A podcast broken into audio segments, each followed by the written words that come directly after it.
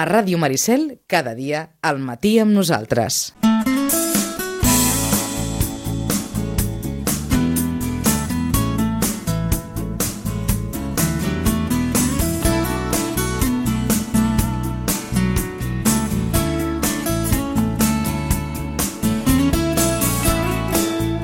Bé, a les biblioteques també parlen dels coronavirus. I ara, és que la Sonsoles ens, ens porta allò una sorpresa ha circulat per la xarxa, eh? això ja, Sí. però, però és que la tenim físicament aquí i ens ho ha ensenyat i, ostres, és que, és que té dallonsis. A veure, d'entrada, Sonsoles, bon dia. Bon dia. Marta, bon dia. Bon dia. Uh, tenim coronavirus a les biblioteques. Tenim coronavirus, sí. Eh, o compte, des- compte, diguem-ho bé, per escrit, per escrit. Sí, és un còmic, escrit. és un còmic, però ja, ja ens parla del coronavirus. Comen... I tant, i tant. Doncs és, avui he portat dos És còmics. que podem començar amb sí, això. comencem amb això i, I ara, després ja... ara anem cap a les agendes. Ah, exacte. doncs he portat dues recomanacions. Avui són dos còmics eh, infantils juvenils de- d'Astèrix. Un Ahà. d'ells és de la filla de Vercingetorix. L'he portat perquè, eh, el, com, com estem encara amb els actes del Dia de, de la Dona, Mhm. doncs aquesta, eh, els autors ens presenten en societat a la, a la filla del famós guerrer del gal, Vercingetorix, que va unir les tribus gales per lluitar contra Juli César, que el van acabar derrotant. I el personatge, que és aquesta noia, una adolescent rebel, arriba perseguida pels legionaris romans al poblet dels protagonistes i altera la seva tranquil·litat. És una història molt entretinguda i sobretot amb aquesta noia molt valenta com a protagonista i qui vulgui venir a, a llegir el, el còmic doncs el, li prestem a la biblioteca sense cap problema, a més s'ho passarà, passarà molt bé. Ara, ara una pregunta. Teniu, Digue'm. teniu la col·lecció sencera dels Astèrix o Jo penso que sí, quants? que tenim. Aquest és el darrer que va sortir Sí, ara mhm. fa uns mesos i anem, anem comprant tots els que, Per tant, els qui, que surten. qui vulgui Sí. seguir les peripècies de... Exacte. Uh, que encara els signen a... a ja no són, eh, No són- d'Agustín i. Uderzo, sinó que a Són text de altres- Jean Gix Ferri i dibuixos de Didier Conrad. Exacte. Eh? És a dir, que no són els Continua- mateixos, però sí, continuen, la mateixa línia. Mhm. tot igual, sí, sí, tots els dibuixos, les històries. I després també tenim aquest Astèrix a Itàlia, que és molt, molt curiós. Eh, L'altre dia ja va sortir a les notícies. Molt curiós. Eh, i, bueno, diem que eh, l'Astèrix i Obelix ja, van, ja van combatre el coronavirus i van aconseguir derrotar-lo. Els dos llegendaris guerrers gals van protagonitzar una història peculiar amb aquesta publicació del 2017 que es, eh, porta com a títol Astèrix a Itàlia, on apareix el virus que està catalogat com a pandèmia mundial a l'actualitat. Llavors, aquests dos aquests protagonistes lluiten contra un corre- corredor de quàdrigues en un moment de la historieta i aquest eh, va enmascarat, que és el coronavirus, i doncs és molt divertit perquè eh, si veniu a llegir-lo ja, ja ho veureu, és, eh, és el millor, a més, eh, d'Itàlia és el, eh, el corredor que, que ho fa millor, no? Llavors, Astèrix i Obelix es, el que pretenen és doncs, doncs guanyar-lo, però ja podeu veure aquí amb les imatges que surt que tot el poble doncs, Criden. doncs crida el coronavirus, Coronavirus, coronavirus, coronavirus. Sí, sí, perquè guanyi. Així Ah. que, doncs, això, si voleu, també el tenim en préstec. No sé si la Santiago Rossinyol també. En aquest cas, aquest el portem de les, a la Roig i Reventós. Qui vulgui, allà el tindrem, que ens pregunti i, i que se l'emporti. té, té, té, té dallons, és, és a dir, que precisament Astèrix a Itàlia, Exacte, oi? Que sí, és sí. allò on ha esclatat la, el Sí. coronavirus a Europa, Sí. doncs resulta que el 2017 algú va dibuixar Sí, sí.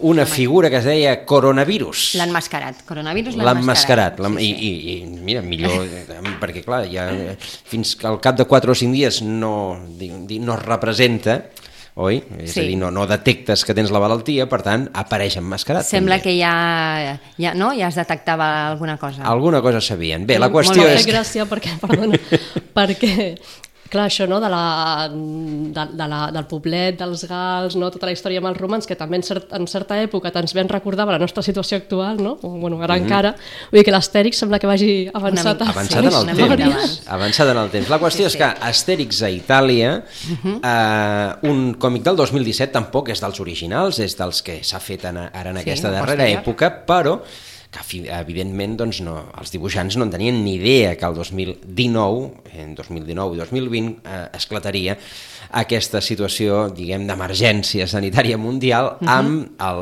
el nom d'aquest objecte, d'això, d'un coronavirus, que ara es diu Covid-19. El Covid-19 no surt, eh? O sigui, a tant No. a tant no A tant arriben, no eh? arriben, no. Però bé, Sí. que, que hi ha un coronavirus eh, campant per, per Itàlia i lluitant contra Astèrix i Obèlix. Mhm.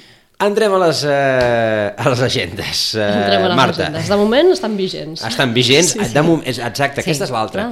Que, que això és eh, el que ens, pre- eh, el que ens pregun- pregunta tothom i de fet eh, de moment mentre les autoritats sanitàries no diguin el contrari vida normal vida normal. Si vostès tenen febre, doncs bé, quedar-se a casa, oi? Uh -huh. Que és el que ja es fa normalment quan un, un té febre, perquè doncs, no portaràs la grip amunt i avall, doncs no portaràs el coronavirus amunt i avall. La qüestió és que, de moment, mmm, fins que no hi hagi contraordre, eh, tot els, mm, tots els llocs estan oberts, entre ells Sí. les biblioteques. Exacte.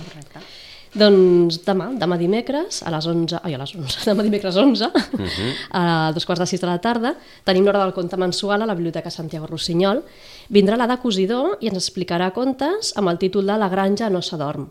Jo vull recomanar molt especialment a l'Ada Cosidor, és una sessió de contes, amb titelles, amb cançons, amb animals de la granja, però és que l'Ada quan ve sempre crea una màgia molt especial, perquè aquestes titelles són com petits animalets eh, que l'acompanyen en butxaques que porta ja la roba, a les faldilles, a les mànigues, i crea tot un univers en què aquests, aquestes titelles, aquests petits éssers, aquests animalons, no, en aquest cas, eh, prenen una vida espectacular. Per tant, és que entres en la història, però directa, tant petits com grans. És, és tot un espectacle veure a l'Ada Cosidor en acció i la recomano a, a tothom, eh? no només a qui tingui nens petits, la veritat. En aquest cas, la gallina Paulina pon un ou i està molt feliç, es passeja per la granja ensenyant-lo a tothom. Uh, llavors hi ha també la vaca Miquela, l'ovella Ximena, que mossega, el conill Ramon, que és molt poruc. Doncs tots aquests animalons aniran creant aquest, aquesta granja, uh -huh. que és que la veurem en viu, com si fossin de veritat. Mm, és, és molt bonic, de veritat. La de Cosidor fa uns espectacles molt preciosos. Perfecte, doncs eh, aquesta hora del conte del, eh, que, es, que es fa mensualment Sí. a la Santiago Rossinyol. Exacte. Què més? Dijous 12, a les 6 de la tarda, tenim una xerrada enfocada per pares i mares en la que vindrà l'Olga Soler, que és terapeuta psicocorporal i treballadora familiar, i ens explicarà com posar límits als nens i nenes, com fer-ho d'una manera respectuosa també de, per ells, pels petits, i que ens pugui servir doncs, bueno, per tenir una vida quotidiana amb el dia a dia doncs, tranquil, que els nens i nenes sàpiguen que hi ha uns límits, uh -huh. però que no són uns límits perquè sí o perquè ho dic jo o perquè no, sinó que d'una manera amb una lògica i amb un sentit i que poden servir doncs, això, no? per fer una vida familiar més tranquil·la. De vegades tenim dubtes a l'hora de posar aquests límits, què hem de limitar, què no, fins a quin punt també no? hem, de, hem de dialogar o hem de negociar amb els petits, doncs tot això ens ho explicarà l'Olga Soler. Va venir també, si no recordo malament, el mes passat o fa dos mesos i ens ha fet també una altra xerrada d'aquest tipus. Són xerrades molt pràctiques, amb les taules en, en, amb les cadires en rodona, per tant que tothom pugui participar, que tothom pugui exposar els seus dubtes i ella amb la seva experiència doncs, aportant la xerrada i, i resolent totes les qüestions que surten. Uh -huh. Doncs eh, una xerrada, com dèiem, eh, aquest dijous a les 6 de la tarda. A les 6 de la tarda. Uh -huh. Més. Continuem també amb l'hora del conte, aquest divendres, eh, l'hora del conte setmanal que tenim a la Biblioteca Josep Roig i Reventós a dos quarts de sis i aquesta vegada vindrà la tija i també eh, eh, és dins dels actes per commemorar el Dia de la Dona, el títol porta, es diu Nes Do, i ens comenta que cada lletra té una forma concreta. Quan s'ajunten diverses lletres es formen paraules i a vegades aquestes paraules tenen un significat curiós. Així que si voleu haureu de venir a escoltar el conte per, per veure quin significat tenen aquestes paraules. Continuem amb l'hora del conte. Dissabte eh, vaig comentar fa, fa unes setmanes que mensualment tenim una hora del conte per nadons. Aquest mes de març és aquest dissabte, dia 14, a les 11 del matí. I ve l'Anna Garcia. Eh, la història té per títol Ets tu la meva mama? i diu que un, ocell, un petit ocellet surt de l'ou i no troba la seva mare. Per això pregunta a tots els animalets que descobreix pel voltant si és, són ells la seva mare. Aquests i altres contes divertits eh, ens els explicarà l'Anna Garcia a les 11 dissabte. És per nadons de 0 a 3 anys. Uh -huh. Més. Continuem també la setmana següent, eh, el dia 18, dimecres, amb la amb l'Helena Cejas, eh, la, la xerrada de l'onada literària, eh, el porta per títol Dones valentes, dones estimades, en el que donarem protagonisme, protagonisme a les dones escriptores, concretament a les dones que han demostrat valentia i coratge per aconseguir la seva llibertat personal i que han deixat testimoni literari dels seus fets. També recordarem a dones del passat, però també del present, perquè encara avui les dones han de lluitar per, sobre, per sobreviure a guerres, a imposicions polítiques, religioses, socials i fins i tot familiars i amb aquesta activitat acabaríem eh, la commemoració del Dia de la Dona a la Biblioteca Josep Roig i Reventós. Uh -huh, D'acord. El dijous 19, a dos quarts de set, a la Biblioteca Santiago Rossinyol, inaugurem una nova exposició al pati. Es diu Territori íntim i va a càrrec de Francesca Calaf, que és artista plàstica. Territori íntim és el fruit de treball portat al terme durant un any per la Francesca Calaf i a més d'aquestes imatges, no, d'aquestes pintures, també dona com a resultat un poemari de haikus, amb il·lustracions, que són les que estaran exposades. Durant la inauguració es llegiran aquesta, aquests poemes, que són d'origen japonès, són, tenen una estructura molt marcada, uh -huh. amb poquets versos, però que són molt poètics no? i que són com una imatge que pam, de seguida és com un impacte, no? aquests haikus, perquè no és un poema llarg, sinó que en poques paraules, en pocs versos, et donen un, un significat molt poètic. I les il·lustracions del llibre que formen part de l'exposició es podran veure al pati de la biblioteca del 19 de març fins al 15 d'abril. D'acord. M'havia deixat el dia 17 de, de març, eh, vaig comentar fa unes setmanes que ara mensualment farem un taller també infantil a la Biblioteca Josep Roig i Reventós, un taller de manualitats eh, per nens a partir de 4 i 5 anys, el fem el propi personal de la biblioteca i cada mes eh, treballarem envoltant, bé, treballarem, eh, serà una miqueta de joc, envoltant d'un conte i farem una manualitat que cada nen es podrà endur a casa. I aquesta vegada no diem ben bé el que serà perquè és una miqueta sorpresa sorpresa, però com ve la primavera, doncs serà un conte parlant de la primavera uh -huh. i eh, farem una miqueta també, plantarem un, un, una petita llavor i a veure, a veure què surt. Uh, aquesta activitat sí que és eh, amb inscripció, poden venir a la biblioteca o enviar un correu i això, eh, repeteixo, és per nens a partir de 4 o 5 anys. A partir de 4 i 5 anys, sí. eh, el dia 17... El dia 17 eh, serà a partir de les eh, 17.30 uh -huh. i, i s'han d'apuntar prèviament a la biblioteca. Correcte, doncs una, una activitat més enllà dels contes, adreçada en els, eh, en els més petits, a partir de 4 i 5 anys. I el divendres també una hora del conte, la, la Roig Reventós també, divendres 20. Uh -huh. El divendres 20 tenim a Pengim Penjam, al Moliner, amb un espectacle de titelles que sempre porten també moltes, moltes coses que ens sorprenen i també el recomanem molt, a les 17.30 serà. A les 17.30 també, a Hora del Conte, com el... saben, les, les hores del conte de la Roig i Reventó són sempre, cada setmana, cada els divendres a dos quarts de sis de la tarda. Dissabte 21 a les 11, uh -huh. una altra hora del conte, en aquesta ocasió en anglès. Ah, la... D'aquell cicle que estem, uh -huh. que iniciat aquest curs amb, amb el Centre d'Anglès Kitzenats, Kitzenàs, doncs tindrem una, això, una story time, una hora de, del conte en anglès, com he dit altres vegades, és per tots els nivells, per nens i nenes a partir de 3 anys, poden seguir perfectament la història, perquè és això, no? que també el ser hora del conte és teatralitzat amb músiques, amb cançonetes, doncs tot acompanya a fer que la història sigui molt entenedora, uh -huh. sigui quin sigui el nivell d'anglès de, de qui l'escolta. Uh -huh.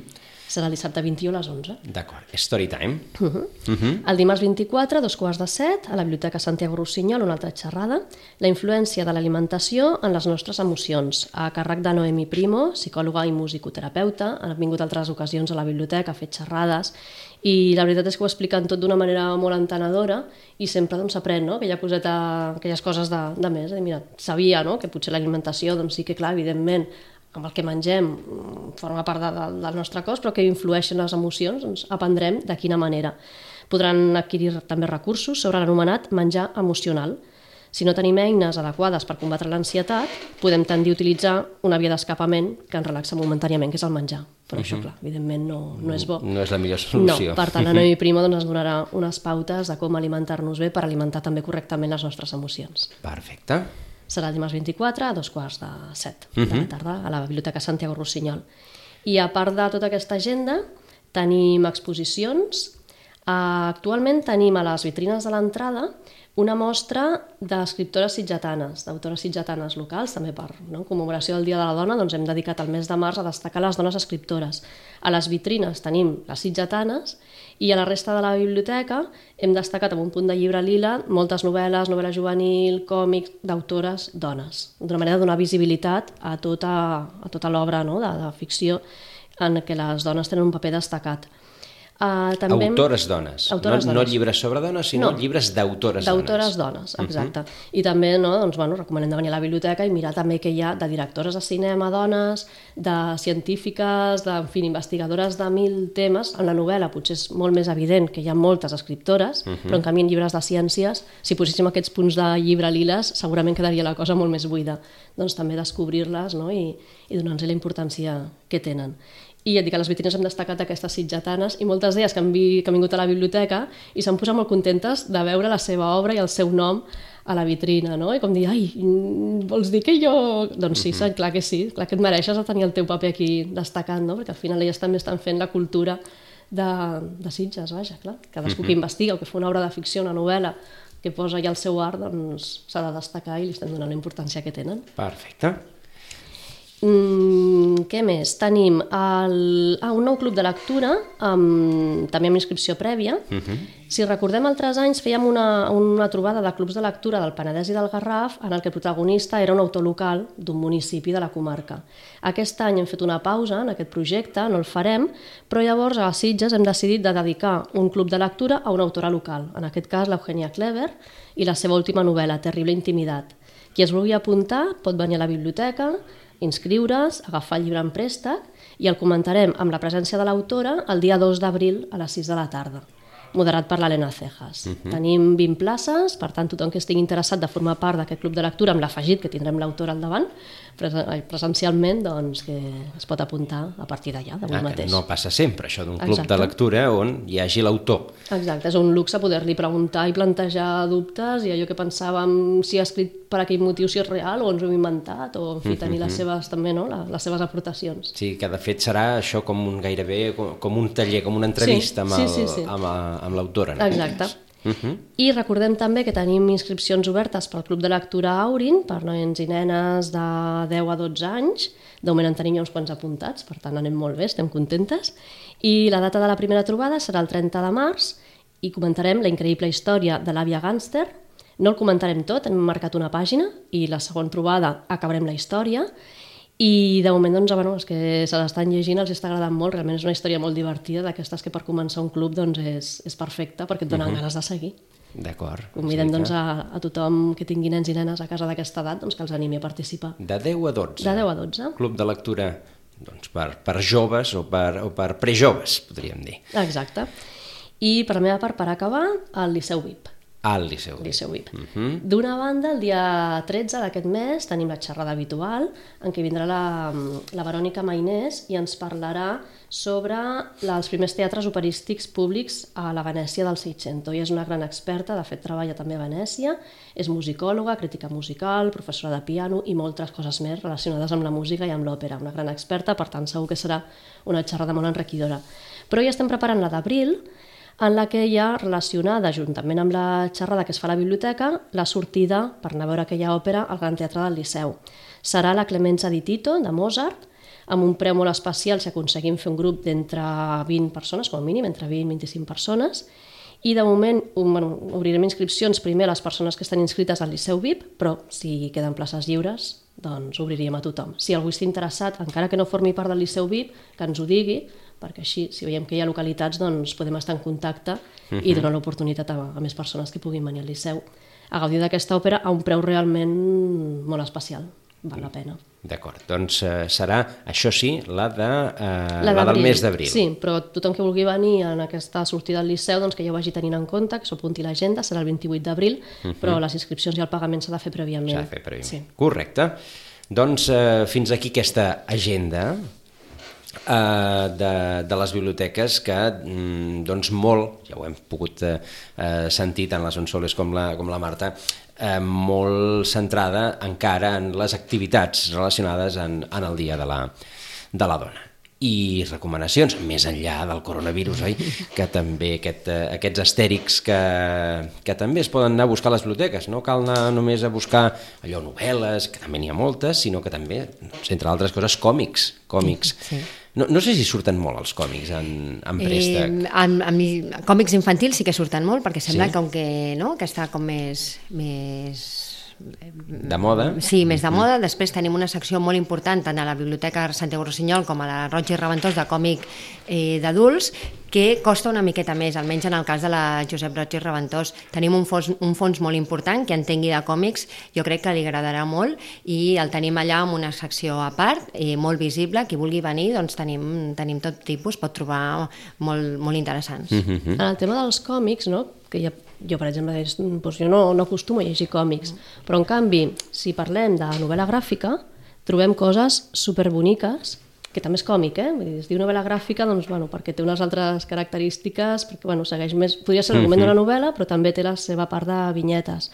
Per tant, és com mirar una pel·lícula o com llegir una novel·la però amb, amb moltes imatges, per tant és una manera diferent de llegir, perquè les imatges també no, tenen el seu argument i també es llegeixen, i és una cosa molt, molt xula per descobrir. Si algú no ho ha fet, que s'animi a llegir alguna novel·la gràfica, que hi ha també de molts temes, i hi ha, hi ha meravelles. O sigui... Que de fet, de fet en alguna ocasió eh, sí, portat alguna. n'heu portat alguna sí. i, i, i criden molt l'atenció. Mm, eh? sí. És una cosa... També, alguns són de molt ràpida lectura perquè però, però, però de, molta, de molta profunditat d'estructura. Sí, sí, sí, però clar, és això, no? que en una novel·la eh, doncs, en un paràgraf et poden descriure una, un espai, una situació, uns sentiments, i en canvi en una novel·la gràfica ja ho mires amb quatre uh mhm. -huh. vinyetes, no? per tant és que és com mirar una pel·lícula. Uh mhm. -huh. I és una, no sé, deixa una sensació doncs, diferent d'haver llegit una novel·la i tampoc és el, potser el còmic que se'ns ve al cap com pensem en un còmic que seria, no sé, doncs aquests còmics més de, de superherois, per exemple, no? Bueno, aquesta uh -huh. cosa més clàssica de qui no ha llegit còmics, quan li parlen d'això, doncs diuen pues que a mi no, no em va. No. Provem-la una novel·la gràfica, una, uh -huh. una proposta. I eh, propostes per avui? Sí, Tenim llibres esperant per, per ser ja novetats en els prestatges, sortiran el dia 15 de, de març, normalment el dia 15, 16, depèn de com cau, és quan posem als prestatges les novetats del, del mes anterior, o sigui, les que ens han arribat, vaja. Llavors, entre aquestes novetats que tindrem el, els prestatges el dia 15, tenim el Premi Josep Pla 2020, Pluja d'Estels, de la Laia Aguilar, el Premi Sant Jordi 2020, Les amistats traïdes, del David Nelo, i el Premi Nadal, que és el Mapa de los Afectos, de l'Anna Merino, entre de moltes altres. Dic aquestes perquè potser són títols que ens sonen perquè han guanyat aquests premis. Jo he portat dos, uh -huh. que no mhm. són novel·la, són dos llibres sobre diferents matèries, però que els dos tenen en comú que són molt, molt pràctics, que estan escrits d'una manera molt amena, que ens poden servir molt pel dia a dia més quotidià que tenim i un és una gramàtica visual d'anglès, això que de vegades no, que diem que l'anglès, que costa la gramàtica, que l'ha estudiat, si no és una cosa que parlis habitualment, doncs se t'oblida. Doncs Editorial Pons i Idiomes Pons ha fet tota una guia d'això, de, de, molt, molt visuals, en què tots els temes més gramaticals, doncs l'article, el nom, els verbs, les preposicions, això que de vegades ens complica bastant, està, està explicat d'una manera molt amena, molt senzilla, molt gràfica, amb colors, com quan ens fem un esquema per estudiar i ens fem uh mhm. -huh. no, com un resum, doncs això ho tenim aquí, i per tant és una manera això de repassar o d'aprendre, i per tant sentar les bases per després poder passar a parlar-ho millor. Uh -huh. um, doncs el recomanem per això, per la seva, perquè és amè i perquè està explicat d'una manera diferent dels típics llibres de gramàtica. També hi ha frases traduïdes a l'anglès i al castellà, en fi, que tot et queda molt clar i per recordar doncs, és perfecte. D'acord, doncs una gramàtica visual, uh -huh. eh, no, no és un llibre espès, eh? No, no, no, no contrari. Sí és per, per entendre millor l'anglès i sobretot doncs, per, per acostar-se a aquesta, a aquesta manera que, òbviament, mm, cada, cada llengua té els seus rudiments i, i, i l'anglès doncs, té uns que a vegades ens poden costar. I l'altre, relacionat amb la xerrada sobre l'alimentació i les uh -huh. emocions que dèiem, doncs aquest és un llibre sobre alimentació. El títol ja ens diu de què va el llibre, es diu El jamón de York no existe. Està escrit per la doctora Marian Garcia, que el seu nom mm, artístic, per dir-ho d'alguna manera, és Boticaria García, y dio la guía para comprar saludable y descubrir los secretos del supermercado. La millor manera de saber de què va aquest llibre és llegint el primer paràgraf, a veure. si us el llegeixo. Diu, el jamón de York no existe. El pan rústico se fabrica en naves industriales. Y encontrar cangrejo en los palitos de cangrejo es más difícil que buscar a Wally. La industria no nos engaña, pero conoce al dedillo la legislación y la estira como un chicle para poner en el mercado muchos productos que son verdaderos lobos con piel de cordero. A la hora de llenar el carro de la compra nos encontramos con cinco grandes problemes. El to del llibre és aquest, molt, molt amè, molt proper, i aquests cinc grans problemes són les que són jeroglíficos, los alimentos son los nuevos medicamentos, Lo natural se ha convertido en una religión, los superalimentos los carga el diablo, la legislación a veces es blandita. Mm -hmm. Per tant, en aquest llibre trobem un repàs de tipus d'aliments, però explicant molt bé això, no? doncs per a l'hora de comprar un iogurt, quin iogurt hem de triar, en què ens hem de fixar en un iogurt, i realment, eh, si tries un o si tries l'altre, no té res a veure. En què ens hem de fixar en les etiquetes, en què ens hem de fixar en els ingredients. Ens diu que aliments que tenen més de 3-4 ingredients, mmm, millor que no. Doncs dona consells molt, molt pràctics per poder fer una compra amb més criteri, sabent el que comprem i per tant menjant més saludable a partir dels productes que podem trobar en un supermercat, descartant coses que, a veure, que al final són com una tentació, no? aquelles galetes, però quan comes aquelles galetes, què estàs mhm. comprant en realitat? Doncs en aquest llibre ens parla de tot això d'una manera molt amena i molt pràctica. Molt interessant també. Uh -huh. Vuitena edició, diu aquí. Vuitena edició, sí.